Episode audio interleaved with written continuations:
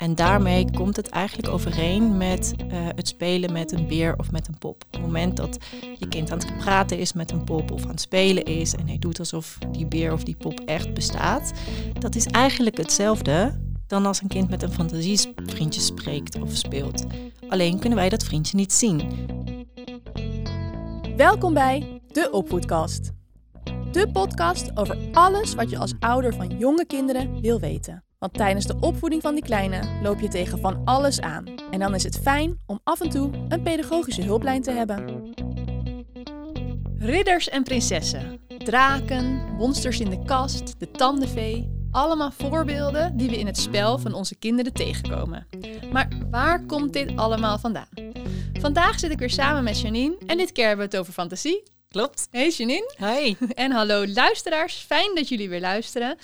Ja, fantasie, zo'n begrip wat we eigenlijk best wel vaak gebruiken en waarvan iedereen eigenlijk wel weet wat het is, maar toch nog eventjes kort. Wat houdt het precies in bij kinderen, binnen kindontwikkeling? Ja, nou, fantasie is eigenlijk het vermogen om je iets voor te stellen. Uh, en um, vanuit die voorstelling uh, kun je dan vervolgens ook weer nieuwe voorstellingen maken. Waarbij die voorstellingen dus ook de realiteit kunnen overstijgen.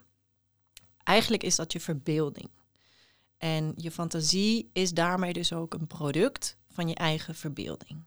En als je dan over die verbeeldingskracht hebt bij kinderen, dan zie je dat dat eigenlijk op best wel vroege leeftijd al ontstaat. Op het moment dat een kind 1 tot anderhalf is ongeveer, dan zie je dat kinderen um, zich voor kunnen gaan stellen of gaan begrijpen dat iemand of iets niet op twee plekken tegelijkertijd kan zijn. Maar bijvoorbeeld ook het besef dat uh, op het moment dat iets weggaat, iets uit je zicht gaat, dat iets alsnog blijft bestaan. Eigenlijk kun je dus vanaf dat moment verstoppertje spelen met je kind, bijvoorbeeld. Ja, ja, en dat zie je bijvoorbeeld ook als je kind naar een kinderdagverblijf brengt. Dat is vaak die eenkennigheidsfase die een beetje lastig is. Ja, omdat je verlatingsangst. Kind, precies, uh, omdat je kind kan beseffen, mama, of papa gaat weg en is dus op een andere plek. Nou, dus dat is dus op die hele, voor die hele jonge kinderen. En naarmate een kind ouder wordt, komt daar ook nog eens bij uh, dat hun fantasie levendiger wordt. En dat ze dus ook overstijgend gaan nadenken dan de realiteit. Dus de kinderen kunnen dingen gaan uh, verzinnen. En dat heeft te maken, of dat komt voort uit hun hersenontwikkeling en hun voorstellingsvermogen. Als je het dan hebt over de ontwikkeling van fantasie, dan zie je dat dat vooral tussen de leeftijd 2 en 7 heel erg uh, aan het groeien is met een specifieke piek op een leeftijd van 4 of 5 jaar. Oké. Okay. En daarna zwakt het weer een beetje af? Ja, dan, dan kunnen ze um, die fantasie weer wat meer gaan controleren. Dus ze krijgen wat meer besef over realiteit en fantasie. Het onderscheid is weer wat meer te maken. Het neemt nog niet, het is nog niet volledig weg, maar het neemt in die zin wel een beetje af. Oké. Okay.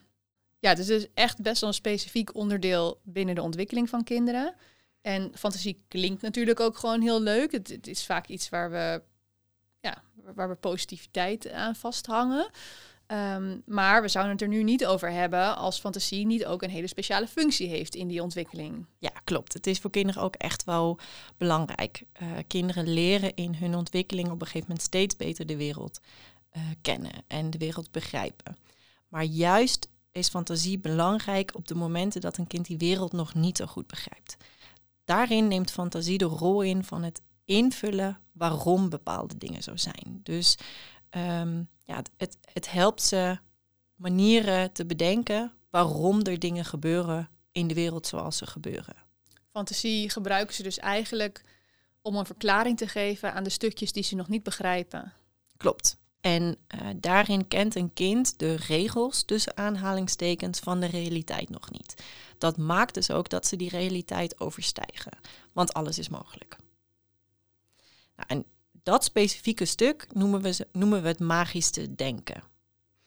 Uh, en dat magische denken is voor je kind dus ook levensecht. Ze kunnen het onderscheid niet goed maken met dit is iets wat ik verzonnen heb en wat er niet is, of dit is iets wat er wel is. Dat loopt bij kinderen dwars door elkaar heen in die periode van magisch denken. Je kunt kleine kinderen er dus eigenlijk ook niet op um, ja, terechtwijzen, noem ik het maar eventjes, als, um, als ze doorgaan op iets wat ze verzonnen hebben, omdat zij gewoon nog niet het besef hebben van wat dus echt is en wat niet echt is. Ook al komt het uit hun eigen verbeelding voort. Ja, klopt. Heel belangrijk dus, die fantasie.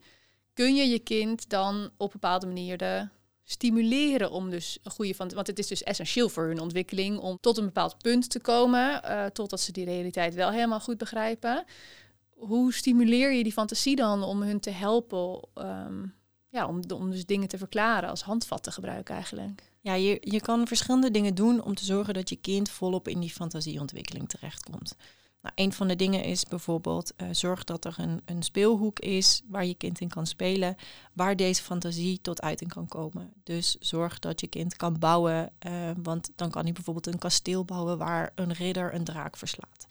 Maar denk ook aan het spelen van poppen. Zorg dat je misschien een pop en een bedje of een keukentje hebt. Want dan kan een kind zijn eigen baby gaan verzorgen. Dat is ook al fantasiespel.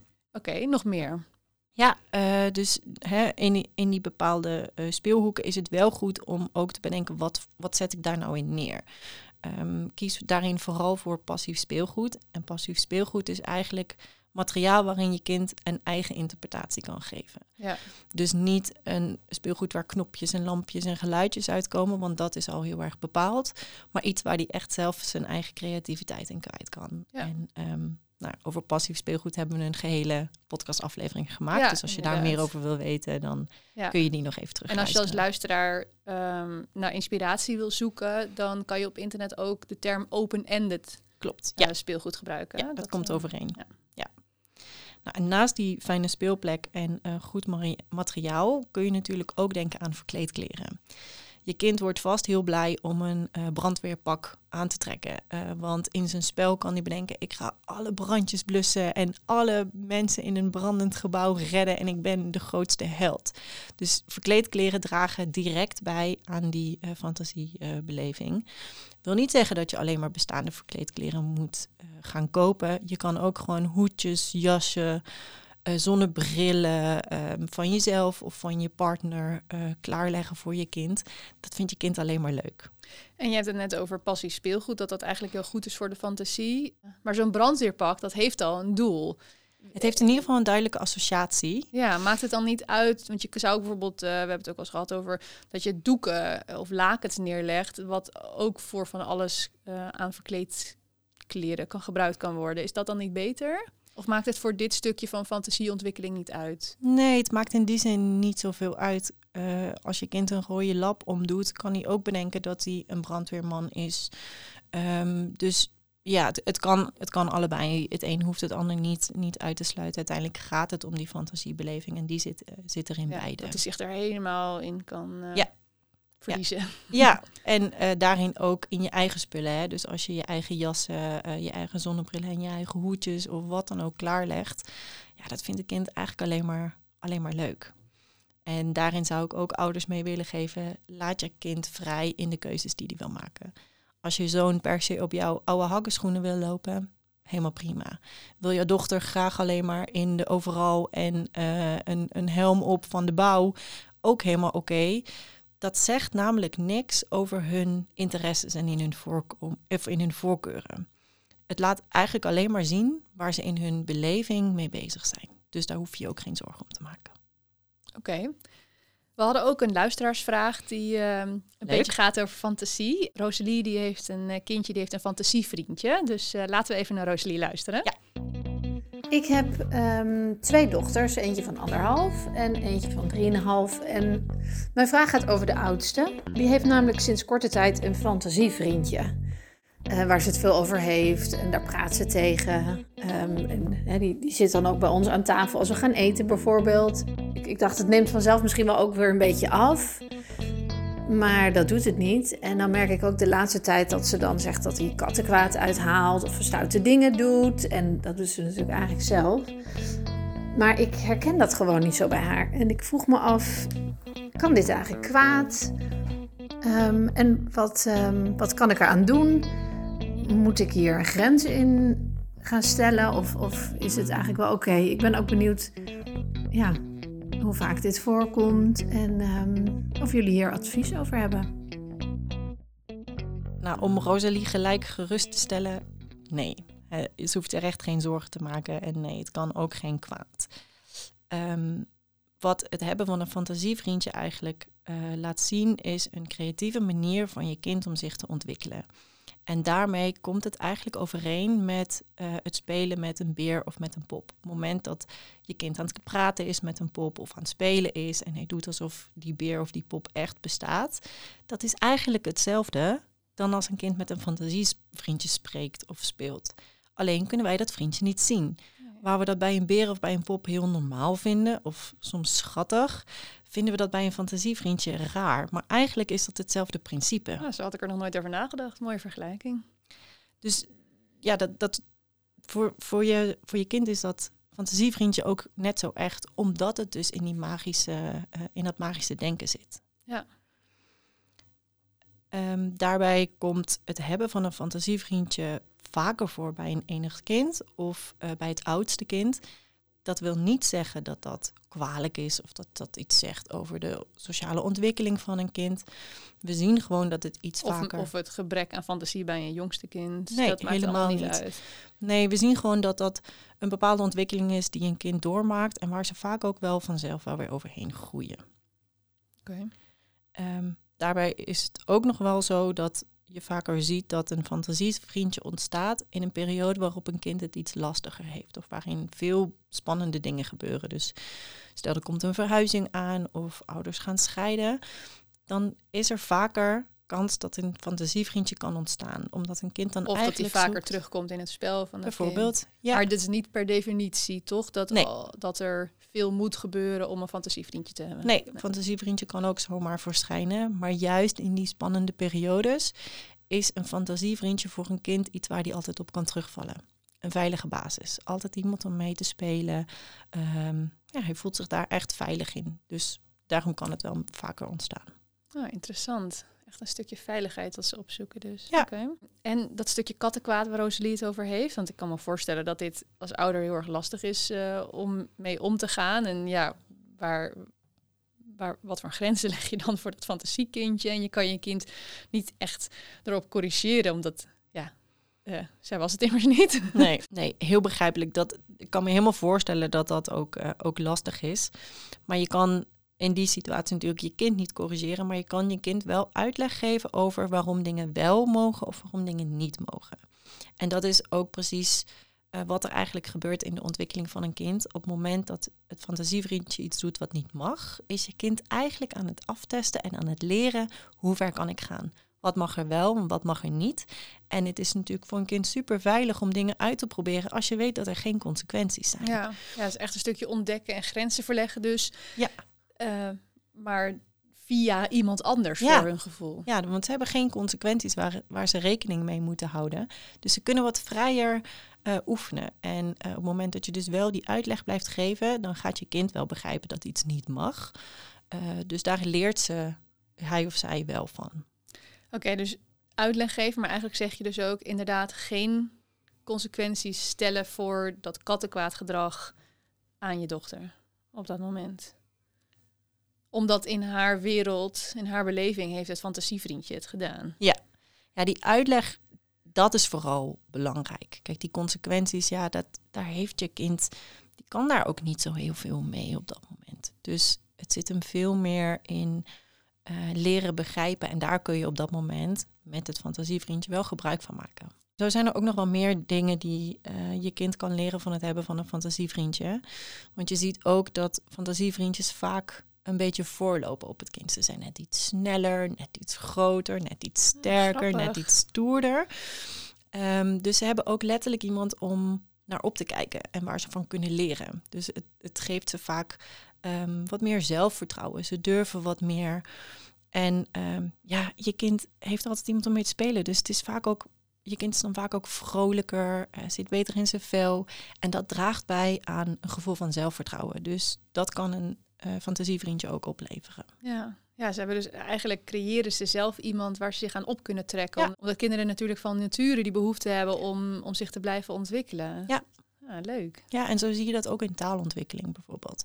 Omdat je kind zoveel met een fantasievriendje aan het communiceren is, zie je ook dat die taalontwikkeling sprongen maakt. Goh.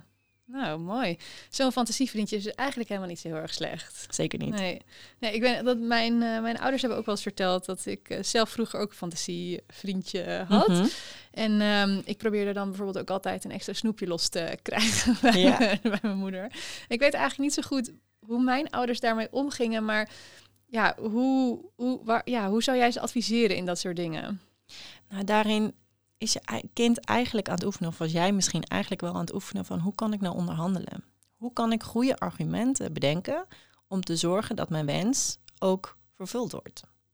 Je wens is een extra snoepje. En ja, als ik kan ook aantonen, een beetje dat grens uh, verleggen, ja. aftasten. Ja, en als ik kan aantonen of kan, kan vertellen, mijn vriendje wilde ook een, dan heb ik een argument om een extra, een extra snoepje te krijgen. Dus ja, het laat meer die onderhandeling uh, leert een kind daarvan. Zou je dan ook zeggen dat je dus als ouder dus juist wel mee moet bewegen met zo'n fantasievriendje en, en, en die fantasie en de beleving van je kind? Of, of moet je daar op een gegeven moment wel een soort stop aan? Nou, je kan daar als ouder echt wel mee bewegen met je kind. Dat is echt niet slecht of, of kwalijk.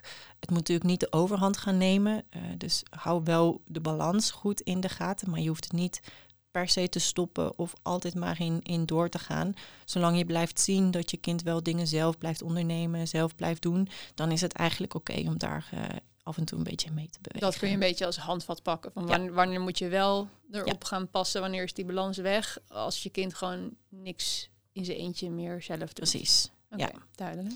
En wat ook nog belangrijk is om te benoemen in deze fase, uh, is dat je als ouder ook um, goed op je woorden moet letten. En dat klinkt een beetje gek. Um, moet je toch altijd doen? Ja, moet je ook altijd doen. Tijdens het magische denken uh, nemen kinderen alles letterlijk. En omdat ze alles zo letterlijk nemen, kan het soms ook overslaan tot angsten.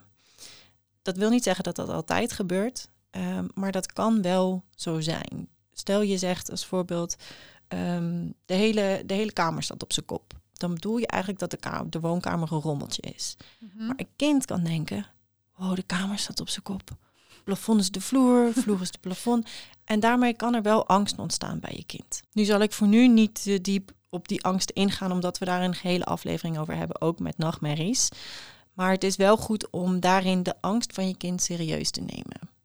Uh, en om, om dat niet weg te maken, want daarmee wordt het alleen maar verergerd. Ja.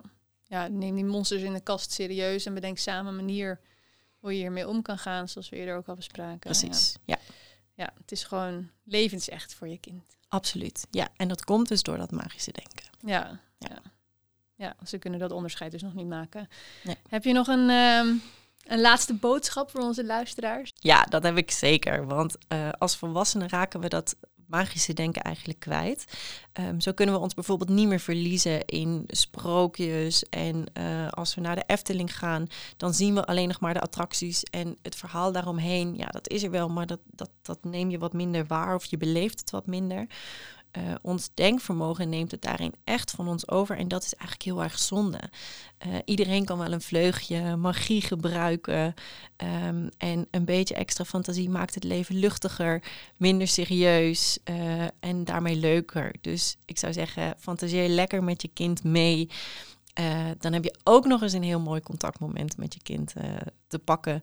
En anders is het ook altijd goed voor een, voor een goed verhaal, een leuk verhaal over de kinderlogica. Ja, nou allemaal een stukje magie terug in ons leven brengen. Dus. Heel graag. Nou, dank. Dank voor het luisteren ook aan de luisteraars. En uh, mocht je zelf een vraag hebben, dan kan je deze insturen naar podcast.company.nl. We zijn heel benieuwd naar jullie uh, vragen. Ja, tot de volgende keer. Tot de volgende keer.